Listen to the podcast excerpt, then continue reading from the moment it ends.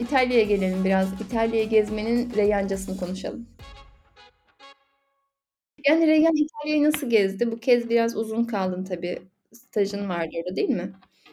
Erasmus vesilesiyle gittim okulumu uzatma bahanesiyle. Çünkü etrafımda mezun olan herkes bana işte e, mezun olup ne yapacaksın? Mezun olunca hiçbir şey olmuyor falan.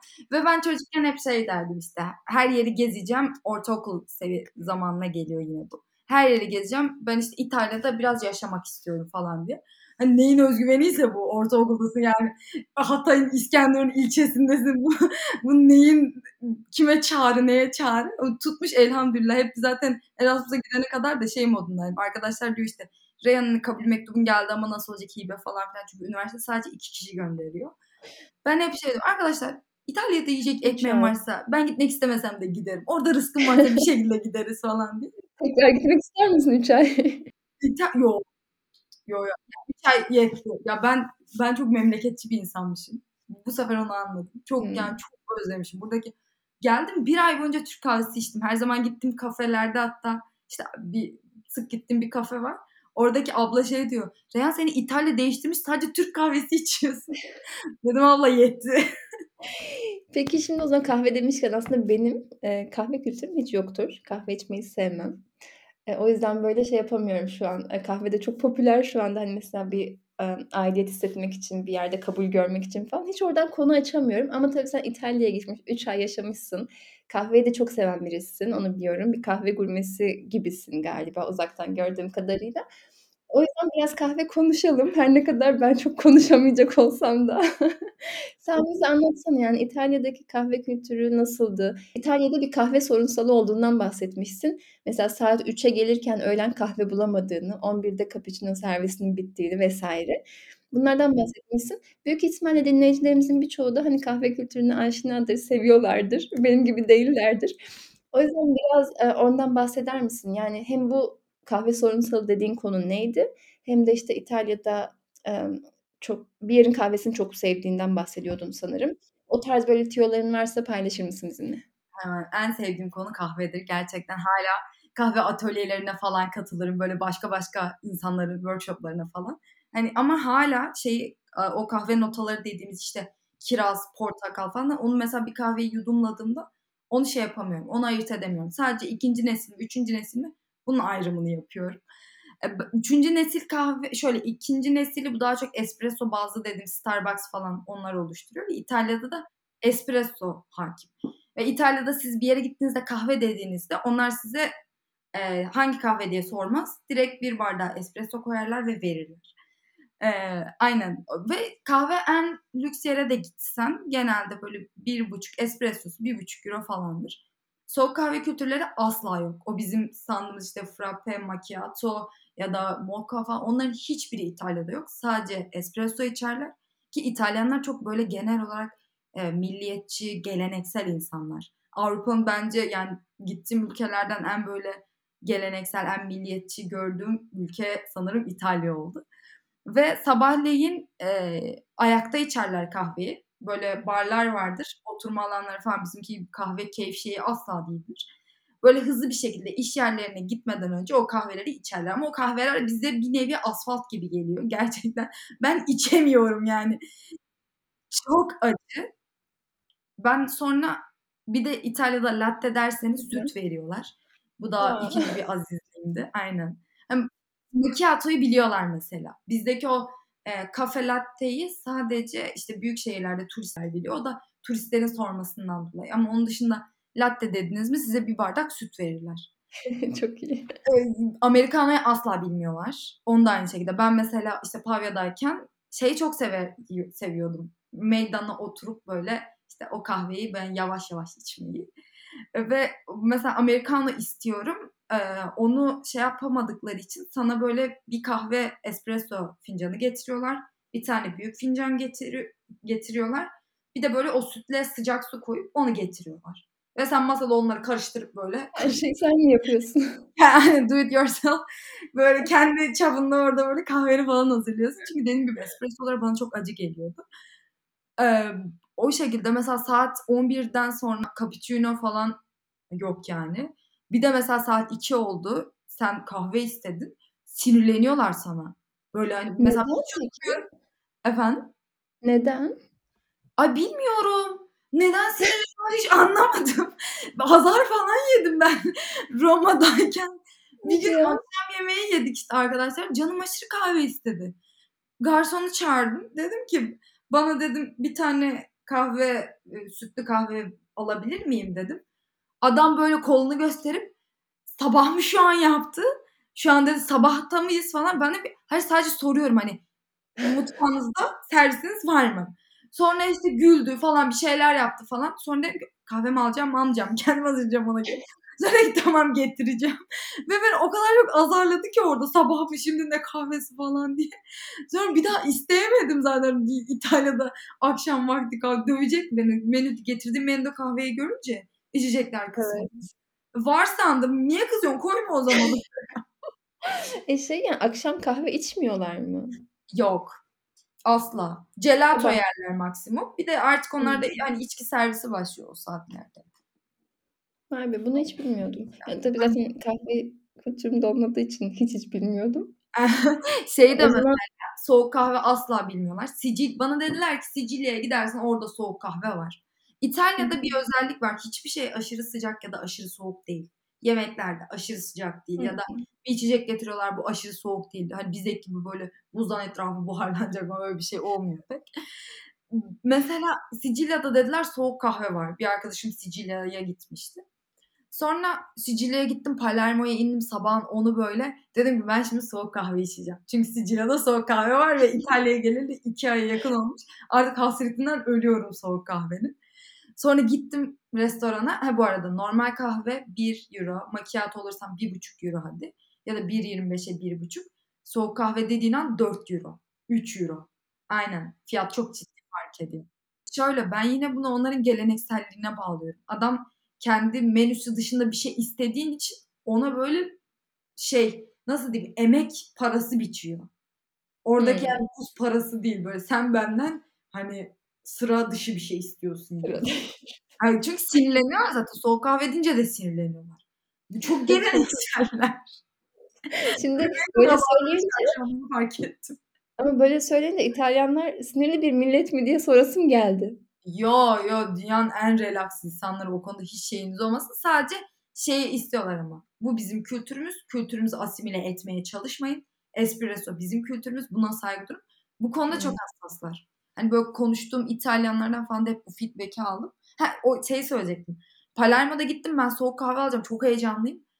Kahveyi bir getirdiler. Ipıl asil böyle içiyorum. Midem bulanıyor. Bırakıyorum. Hava çok sıcak. Sicilya'da o yanardağ aktifleşmişti o gün. 40 derece hava dışarısı. İçiyorum çok ılık. Geri bıraktım falan. Sonra gittim gene ben eski usul buz aldım içeriden getirdim döktüm bardağın içine. Soğuk kahveyi öyle içebildim.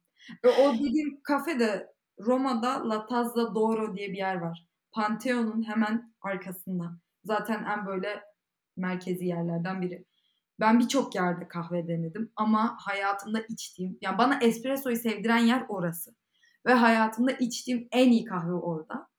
Eee, ve direkt zaten şeye geldikten sonra, eee, Milano'ya döndükten sonra bir hani şeyi düşündüm değil mi? Ben burada içtim ama ben şu an buranın etkisindeyim. Bu yüzden çok seviyorum. Milano'ya döndüm. İçtim mükemmel ve direkt şeye bakıyorum. Türkiye'ye kargo ücreti ne kadar alıyor? €30 alıyor. Anladım. Ne düşünüyorum? Hayatım boyunca buradan içeceğim. Türkiye'de satılıyor mu bu kahve? Yo, yo, yo. Yani zaten Tazza d'Oro böyle bir işte, eee, ba barı İtalyanlar kafeye bar diyor. Kafe yok onlarda. Kafe, kahve. Bar bar, kafe. Böyle bir kar karmaşık bir şey var. O tek bir bar zaten ve barın içinde tek bir çeşit kahve var. Ve hepsinde de işte La Tazza d'Oro'nun bir klasiği bir de Biologica'sı var. Ben bir tık daha böyle soft olsun diye Biologica'sını aldım ama klasiği bile o mideni delmiyor. Peki şimdi sen İtalya'da neredeyse İtalya'nın her yerini gezdin galiba neredeyse. Benim gördüklerim işte Portofino, Roma, Venedik, Pavia, Milan, Napoli, Floransa, Cinque Terre, Bologna, Siena, Verona, sonu A ile biten bütün şehirler. San Gimignano, Toskana. Yani peki mesela bu kadar yeri gezdin. Sen hazır gezmişsin. Bize bir böyle şey yapsan yani hani, emm Elesen. He. İtalya'da Sence yani Reyhanca. Tabii bu kişiden kişiye değişen bir şey. Hani, emm, seyahat gurmeliği açısından da aslında herkes farklı yerden farklı tat alıyor. Ama Reyhan'a göre soruyorum tabii ki. İtalya'da sence mutlaka gidilmesi, görülmesi gereken yerler neler? Ya da senin tabirinde böyle aşırı kaliteli etkinlik önerilerin neler İtalya'da?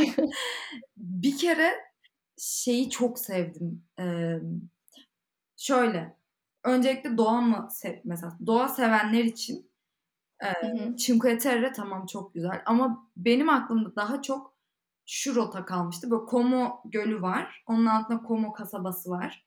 Milano'dan oraya gidip Como kasabasından o Bellagio'ya işte bu, eee, neydi George George ne? George Clooney'nin falan evinin olduğu yer Bellagio Hıı. hani o kadar güzel bir yer. İsviçre'ye paralel zaten. Eee, o Como'dan Bellagio'ya bir vapur var. €10. İşte Hı. sabahleyin falan 3 tane oluyor sanırım. Bir de öğleden sonra falan oluyor ama bence yani sabahleyin oraya gidip Como'dan böyle bir kısa bir Como turu hemen hızlıca. Sonra o vapurla 2 saat sürüyor ve o kadar güzel yerler geçiyorsunuz ki yani çok güzel. Yani böyle görsel şölen. Böyle bir güzellik olamaz. Ve o vapur benim bütün seyahat boyunca mesela çok aklımda kalan şeylerden biri olmuştur. €10 bir de. E, 2 saat 15 dakika sürüyor. Hani öyle bir Venedik'te gidip €80 gondol turuna vereceğine hani kat ve kat çıkartır.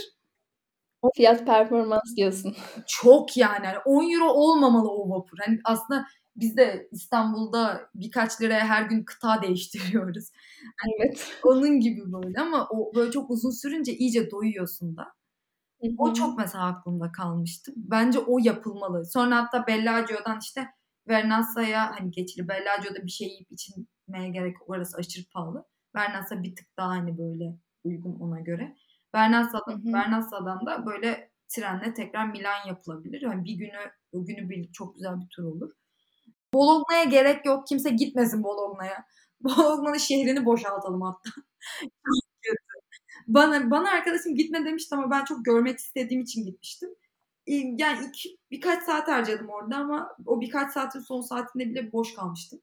Şeyini görmek istiyordum oranın, eee, ilk anatomik kürsüsü adamlar 1000'li yıllarda kurmuşlar. O hikâye Evet. beni çok böyle Mesleki olarak. Aynen. Biraz daha medikal şeyinden dolayı, Anladım. kısmından dolayı görmek istemiştim. Bir de o işte ne deniyordu o?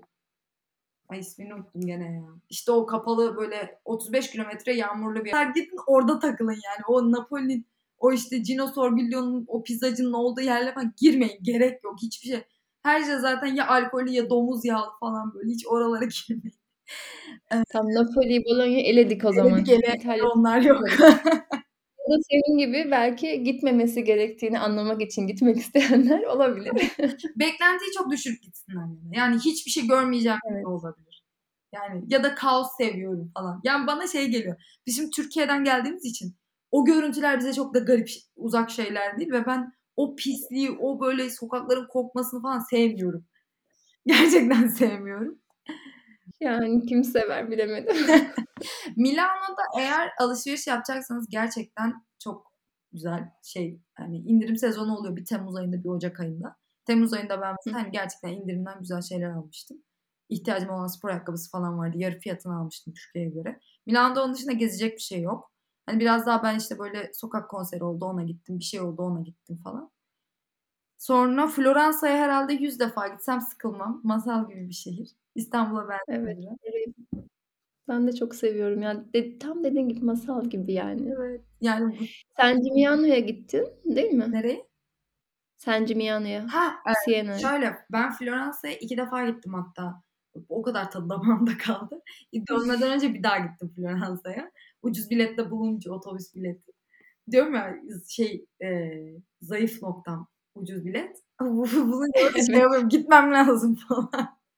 Floransa'ya gittim. Oradan Siena'ya gittim. Siena'da kaldığım hostelin yani çok güzel bir manzarası vardı. O işte ismini unuttum o hostelin. Yani o o manzara böyle sabahleyin sırf erkenden kalkıyordum o manzarayı böyle izleyebilmek için doyasıya. Akşamını sabahını görmek için. San Gimignano şey Siena da çok güzeldi. Yani böyle çok masal gibi. Mesela o rota çok hoşuma gitti benim. Siena, eee, şey Floransa, Siena, San Gimignano.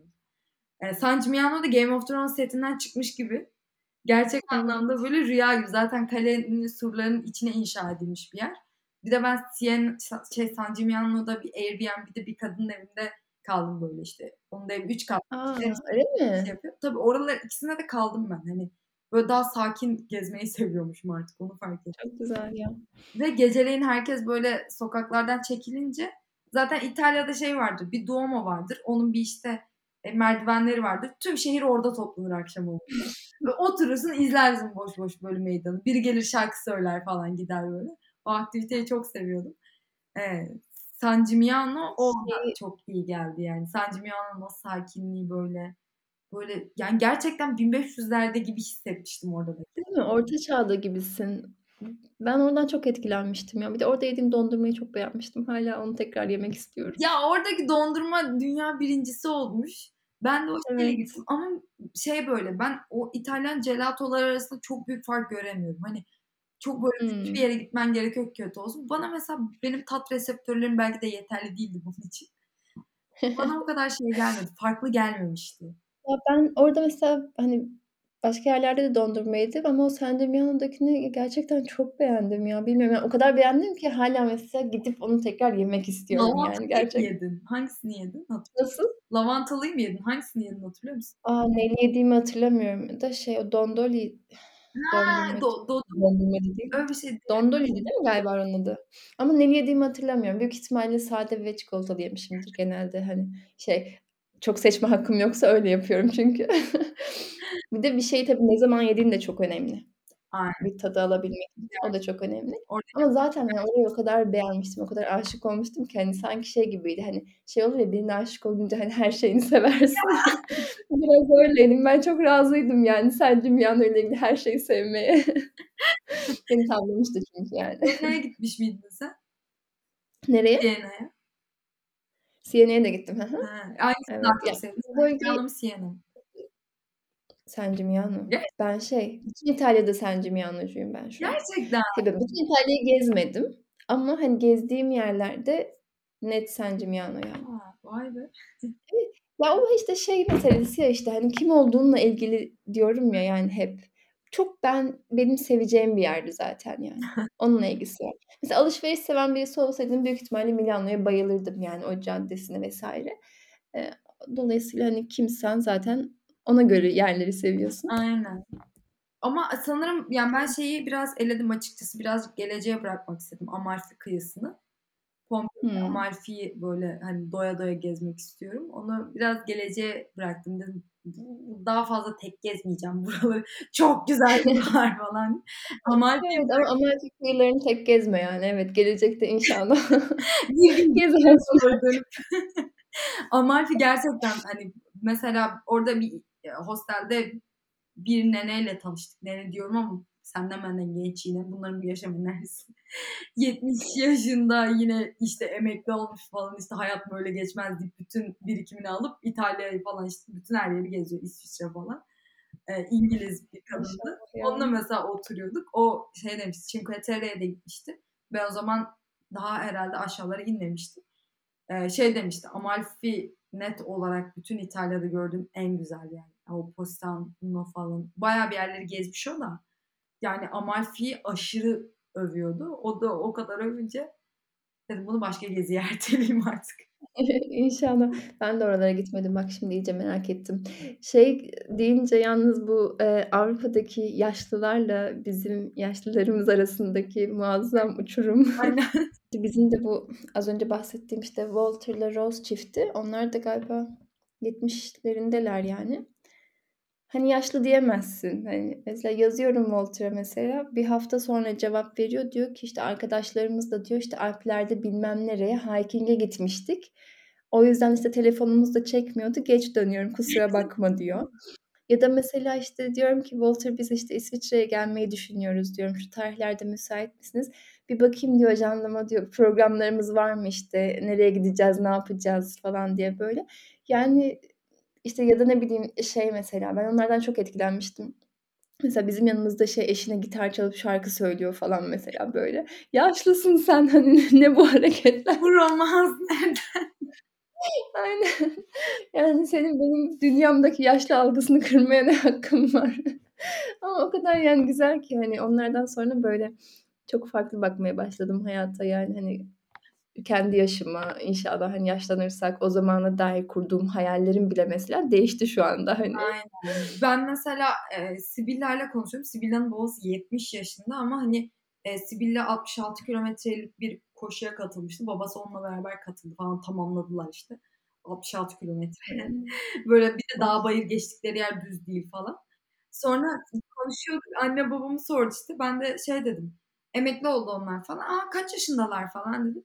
Dedim, eee, "59 yaşındalar." "A, çok genç. Neden o kadar erken emekli oldular?" yaptı böyle. Sonra durdum. "59 erken mi? O, o zaman yaşayacak çok yılım var." falan.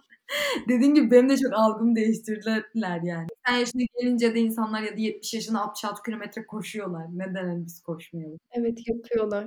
Arkadaşlarıyla trekking'e gidiyorlar falan. Demek ki olabilir. Yani evet, iş bu da çok güzel ya. İşte seyahate çıkınca hani böyle şey, mümkünlerin genişliyor yani böyle. Olabilir. Evet, o da olabilir. Evet, bu da olabilir. Ya, insan çok değişiyor hakikaten ya. Neyse, çok dağıtmayayım sorularını. Peki o zaman İtalya'dan devam edelim. Şimdi İtalya ile ilgili birkaç böyle şey, hızlı hızlı cevap verebileceğin, eee, şeyler soracağım. Emm, bu İtalyanların Fatih Terim aşkı gerçek mi diye sorayım. Evet, evet. Floransa'da bir baktım böyle tepede kocaman bir Fatih Terim posteri falan. Sonra, eee, futbolla ilgilenen 1-2, eee, kişi de bunu onayladı. Bir dönem Milano'da direktörlük mü yapmış, Milan takımının mı başındaymış, öyle bir şeymiş. Oradan tanıyorlarmış da. O yüzden Netflix şeyinde falan hemen Fatih Terim'in şeyi vardı, posterleri asılmış İtalya'dayken. Peki İtalyanlar bu el hareketlerini gerçekten çok mu kullanıyorlar konuşurken? Bizim gibiler mi? Bizden daha mı ileri seviye? Yani bizle yarış Yo, yo, bizden daha fazlalar. Çünkü biz mesela toplum içindeysek, atıyorum bir otobüste araba, eee, şey otobüsteysek ya da bir trendeysek hani o el hareketlerini baskılıyoruz ama onlar böyle daha da böyle elini kaldırıyor, şey yapıyor falan. Hani böyle adam bütün benliğiyle telefonun ucundakini anlatıyor. Kesinlikle çok gerçek. Peki şeye gittin mi? Bu güneydeki paz İta güney güneydeki İtalyan pazarlarıyla ilgili sosyal medyada bir şey Çok ne gerçek. olmuştu şu anda biraz hatırlayamadım ama bir video bir viral olmuştu sanki. Evet, o çok gerçek. Gittim gerçekten Gerçek mi? Sicilya'da, Catania'da pazara gittim ve o oradan bağırıyor, bu buradan bağırıyor, biri şarkı söylüyor, biri son ses müzik açmış falan. Bizde müzik açmıyorlar en azından. Onlar müzik de açıyor böyle ve hani adama fiyat soruyorsun umrunda değil. O sırada şarkı söylüyor o hani. İtalyanlar rahat, güneydekiler daha da rahat. Yani rahatlık yarışına giriyorlar böyle. Hatta bana, eee, oradan biri anlatmıştı. Fiat otomobil hani İtalyan firması ve bu güneydeki ekonomiyi canlandırmak için güneye de fabrika açıyorlar. Güneydekiler doğru düzgün çalışmadığı için fabrika zarara giriyor. Çünkü keyfine çok düşkünler. Bu yüzden fabrikayı kapatıyorlar. O kadar Tabii, yani. tabii çok rahatlar. Umurunda değil hiçbir şey adamın. Vay be! Bu şey, emm, güneyle kuzeyi fark ediyor mu yoksa bütün İtalyanlar mı böyle? Tümü bizden rahat ama mesela Milano daha beyaz yaka. Hatta Sicilya'dayken ben Milano'dan geldiğimi söyledim. Orada bir tane işte biri şey demişti. "Milano'dakiler yaşamıyor ya, varsa yoksa iş." falan diyorlar. Hadi ya. İtalyan ne kadar iş düşünebilir? Yani. Şu an İtalyanları evet rahatlıklarıyla geriyoruz şu an ama yani evet, hani, siestaları var ama siesta bile aslında herhâlde şey, işin sadece görünen kısmı yani. Onun ötesinde bir rahatlıkları var anladığım kadarıyla. Ben mesela siesta kültürüyle çok denk gelmedim. Sanırım o İspanya'da bir tık daha He, var, var. Şöyle, restoranları kapatıyorlar.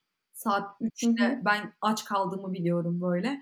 Hani sokakta hiçbir restoran açık değil, market yok falan. Marketler akşam mesela 6-7 dedi mi kapanır.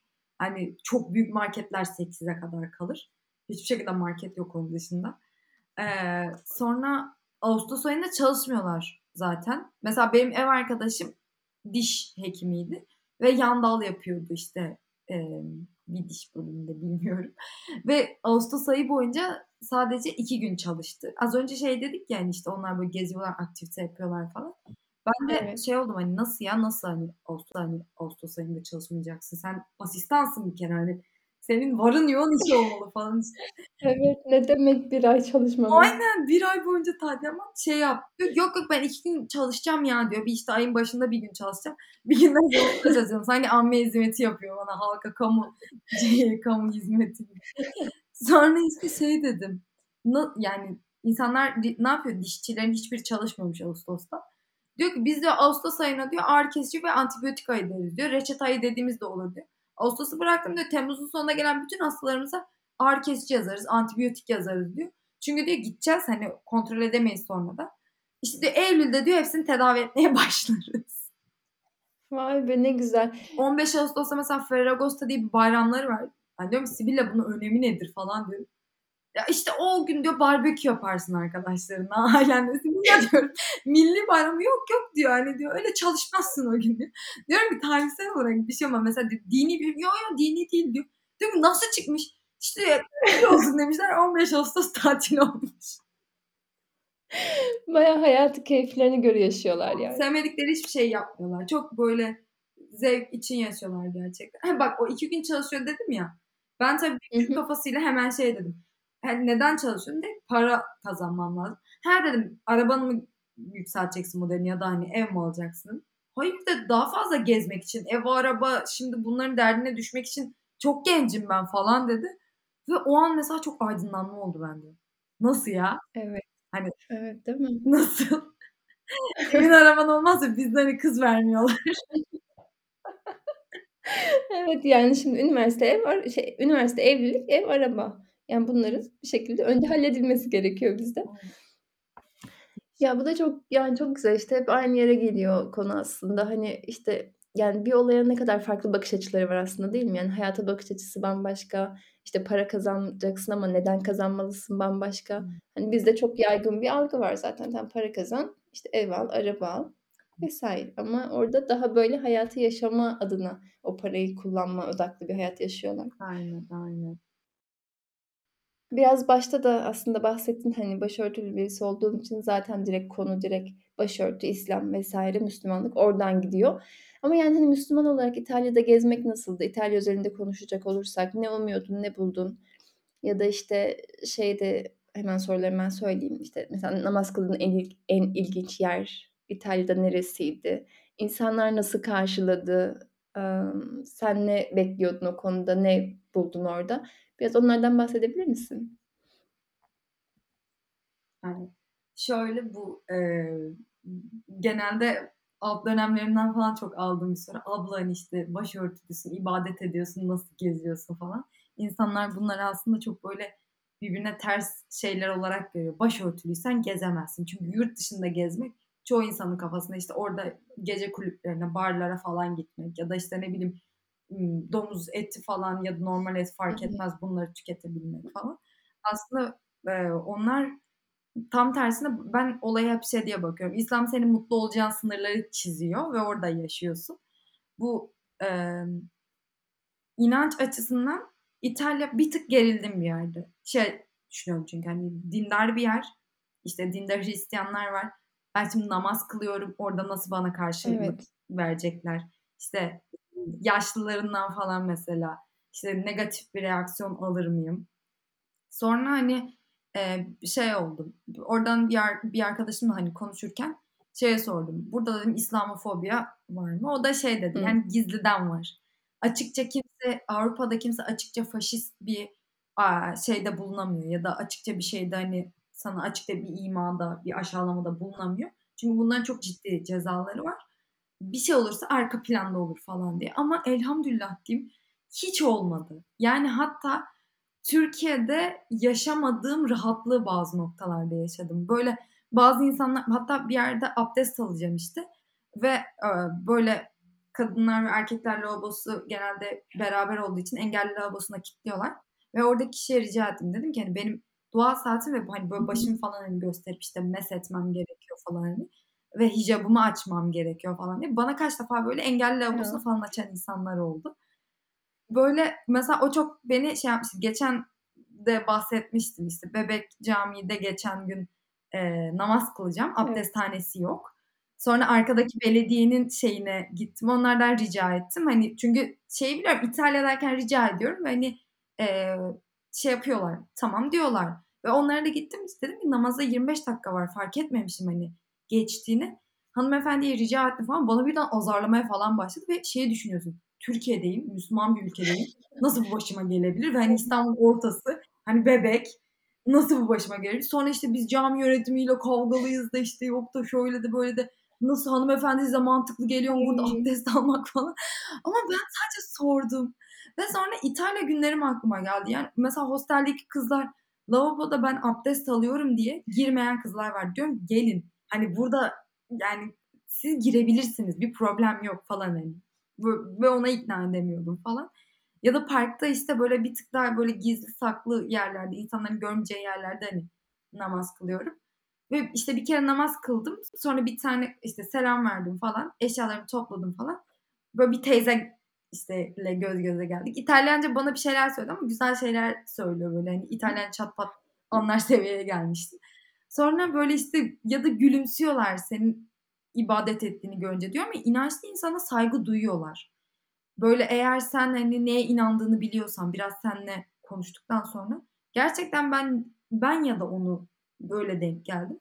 İnançlı insana saygı duyduklarını çok hissettim. Aslında 3 ayda hani bunu tecrübe edebilmek için yeterli bir zaman aslında. Hani mesela bir hafta kaldığın zaman bazen tecrübenden şüphe edebiliyorsun. Hani acaba istisna mıydı falan diye ama 3 ay kalıp böyle bir şey yaşadıysan bu genelinde böyledir diyebiliriz sanki. Sanki bana da öyle geldi. Hani e, ve şey mesela hiç sevmiyorlar onu da biliyorum. Onlar gibi olmadığın halde onlar gibi davrandığında ona hiç saygı duymuyorlar. Ama mesela sen inançlıysan kendi kültürünü yaşıyorsan falan ha bu senin kültürün, senin alanın falan deyip şey yapıyorlar. Bir kere de Sirakusa'da işte İta şey Sicilya'da e, Sirakusa'dayken e, hemen namaz kılıp dönmem gerekiyor. Havaalanı otobüsüne yetişeceğim falan. Ve kılabileceğim hiçbir yer yok. Sokak var. Bir de hostelin işte e, gece 9'dan ondan sonra aktifleşen bir barı var. Sonra dedim ki ben gideyim burada kılayım. Hani başka kılabileceğim hiçbir yer yok çünkü.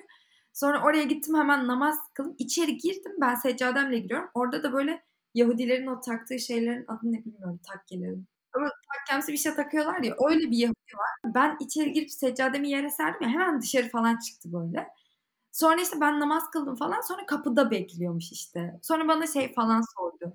Ee, şey dedi Müslüman mısın sen falan dedi. Evet dedim. Sonra şey dedi ibadet edeceğin için seni rahat olacağın bir ortamda bırakmak istedim falan işte dedi. Sonra işte şey falan dedi inançlı insanlara çok saygı duyuyorum falan hani ne inanırsa inansın falan. Bu tarz şeylerden bahsetti ve hani hayatımda tanıdığım ilk böyle dindar Yahudi sanırım oydu ilk ve son. Başka tanımadım. Ya şey böyle aslında biraz acı bir şey bu ama bir yandan da bilmiyorum hani kendi ülkende yaşadığın deneyimden bahsediyorsun ki maalesef hani hiç de yabancı olduğumuz şeyler değil yani şaşırmıyoruz artık. Ama onun tam tersini yani gayrimüslim bir coğrafyada hani bambaşka bir şekilde yaşıyorsun. Aynen bu çok üzücü mesela bu gerçeği artık kabullendik. Ama şey de güzel artık e, biraz daha bence eski nesillere göre bu bizim hakkımız, bu bizim e, işte sınırımızın başladığı alan ve bunu sen işgal edemezsini böyle bir masaya oturup daha tartışabiliyoruz en azından. Hani şeyde yurt dışında da aslında o var. Yani mesela utansan, sıkılsan belki aynı saygıyı görmeyeceksin. Zaten belki yapmayacaksın vesaire böyle. Ay ne derler diyeceksin ama aksine hani sen daha dik durduğun zaman daha kolay kabul gören bir şey olmuş yani bu. Evet. Ben şey biliyorum ya benim mesela burada işte İzmir'de ya da bazı üniversitelerde tıp fakültesindeki arkadaşlarım cerrahi stajlarına hala e, şey diyorlar sadece cerrahi bone olabilir. Cerrahi bonelerin artık arkadan bağlanan kısmı da türleri de var ve onu kabul etmiyorlar. Hmm. Ve ben mesela İtalya'ya giderken böyle gerginlik yaşadığım şeylerden biri buydu. Çünkü ben hani kulak burun boğaz departmanında staj yapıyordum. Ve cerrahi bir staj. Hani acaba bundan sıkıntı çıkarırlar mı falan. Sonra direktörüm Carlo işte çok iyi bir insandı o da.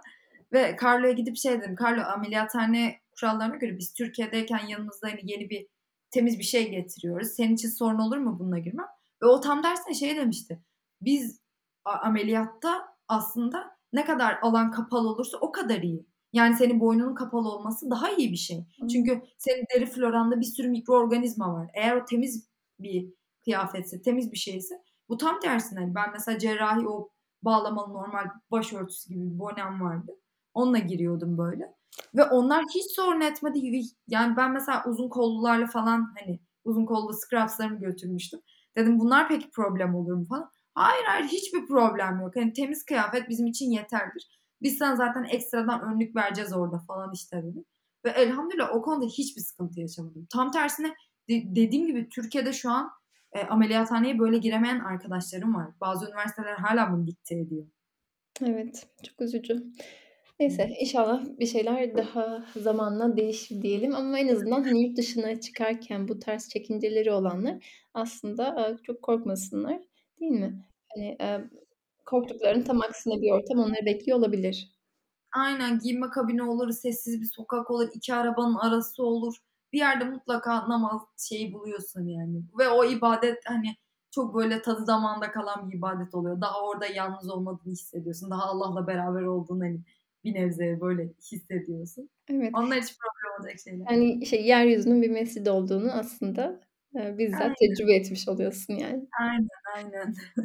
Çok güzel Reyyan. O zaman böyle şey, ha, şey, tam bitirecektim ama seccaden. Seccadeni soracaktım bak o kadar konuştuk. O seccadenin hikâyesi ne? Ya şöyle, şimdi ben bundan işte, eee, 2-3 yıl önce falan herhâlde, yani birkaç yıl oldu ya da bilmiyorum. Bir etek diktirdim ve onun da bir kumaşı kaldı böyle evde. İşte duruyor bu kumaş. Onu da hani böyle bizde şey vardır ya atmazsın. Hani şeyi düşünüyorum, geliyorum gidiyorum diyorum ne yapacağım ben bunu? Ben bu seccade yani bu kumaşı ne bak seccade kaldı Evet. Bu kumaşı ne yapacağım? Bu kumaşı ne yapacağım falan işte. Duruyor falan. Sonra dedim ya atmayayım. Biri bir terzilikle uğraşıyorsa ona veririm falan. Hiç kimseyle denk gelmedim öyle hani o kumaşı değerlendirebilecek. Sonra yurt dışına çıkacağım bir gün. Sonra seccadeler de ağır oluyor bizim. Dedim ki eee, bir kumaş parçası lazım bana. O daha rahat olur hani dedim. Her şeye sığabilecek bir şey. Onun da böyle kumaş tipini unuttum. Böyle bir kumaş diyorlar. Neyse unuttum. Hani böyle hafif bir kumaş. Evet. Kalın da hani altını da hiç göstermiyor e, yeri falan da böyle. Sonra onu dedim ben bunu götüreyim. Çakmakla yaktım kenarlarını falan böyle. yamuk yumuk anlamsız bir kumaş parçası. Sonra ben aldım onu işte. e, koydum çantama. Her gittiğim ülkede şey diyorum. Bu seccadeyi bu ülkede bırakacağım artık. Artık kalacak mı burada? Hani yeter yani yeter. İtalya'da en son dedim ki bu seccade dedim İspanya'ya gideceğim, geleceğim, bırakacağım. Sonra İspanya'ya gittim. Gene gönlüm el vermedi. İtalya'ya getirdim. Ki namaz kılacak olurum. O gün son gün işte havaalanında namaz Sonra havaalanında aldım işte ikindi namazını ne kılmıştım. Seccadeyi aldım dedim ben bunu atacağım artık dedim. Şöyle baktım dedim ben bunu bir daha çamaşır suyuna bastırıp bir sonraki seyahatimde kullanırım. Çamaşır Sonra suyu. kumaş parçası bende geziyor. Çamaşır suyu hemen evet İtal şey, eee, Reyhan'ın nereli olduğunu buradan çok iyi anlıyoruz. Şey, emm, sevgili Ayşe Sevim'in bir kitabı var Dünyayı Gezen Çorap diye. Seninki de Dünyayı Gezen Seccade olmuş. O zaman Ah. bölümümüzü Dünyayı Gezen Seccadeyle bitirelim. Tamam. Teşekkür ediyorum Reyhan. Çok çok keyifli bir sohbetti gerçekten. Hatta yani şu an tabii YouTube olsaydı bu dinleyicilerimiz görürdü. Eee, yani benim şu an yanaklarım böyle ağrıdı. Şey, ağzım zaten açık yani sürekli gülüyorum ve şu yanak kaslarım şu an ağrıyor. Gerçekten çok keyif aldım. Eee, ilk Ya. bölümün gerginliği, heyecanı vs. senin sayende hoş sohbetinde Evet, kalmadı sağ ol. diyebilirim yani. Peki o zaman, eee, bu podcast'imizin bu bölümün sonuna geldik. İnşallah 2. bölümümüzde görüşmek üzere diyelim.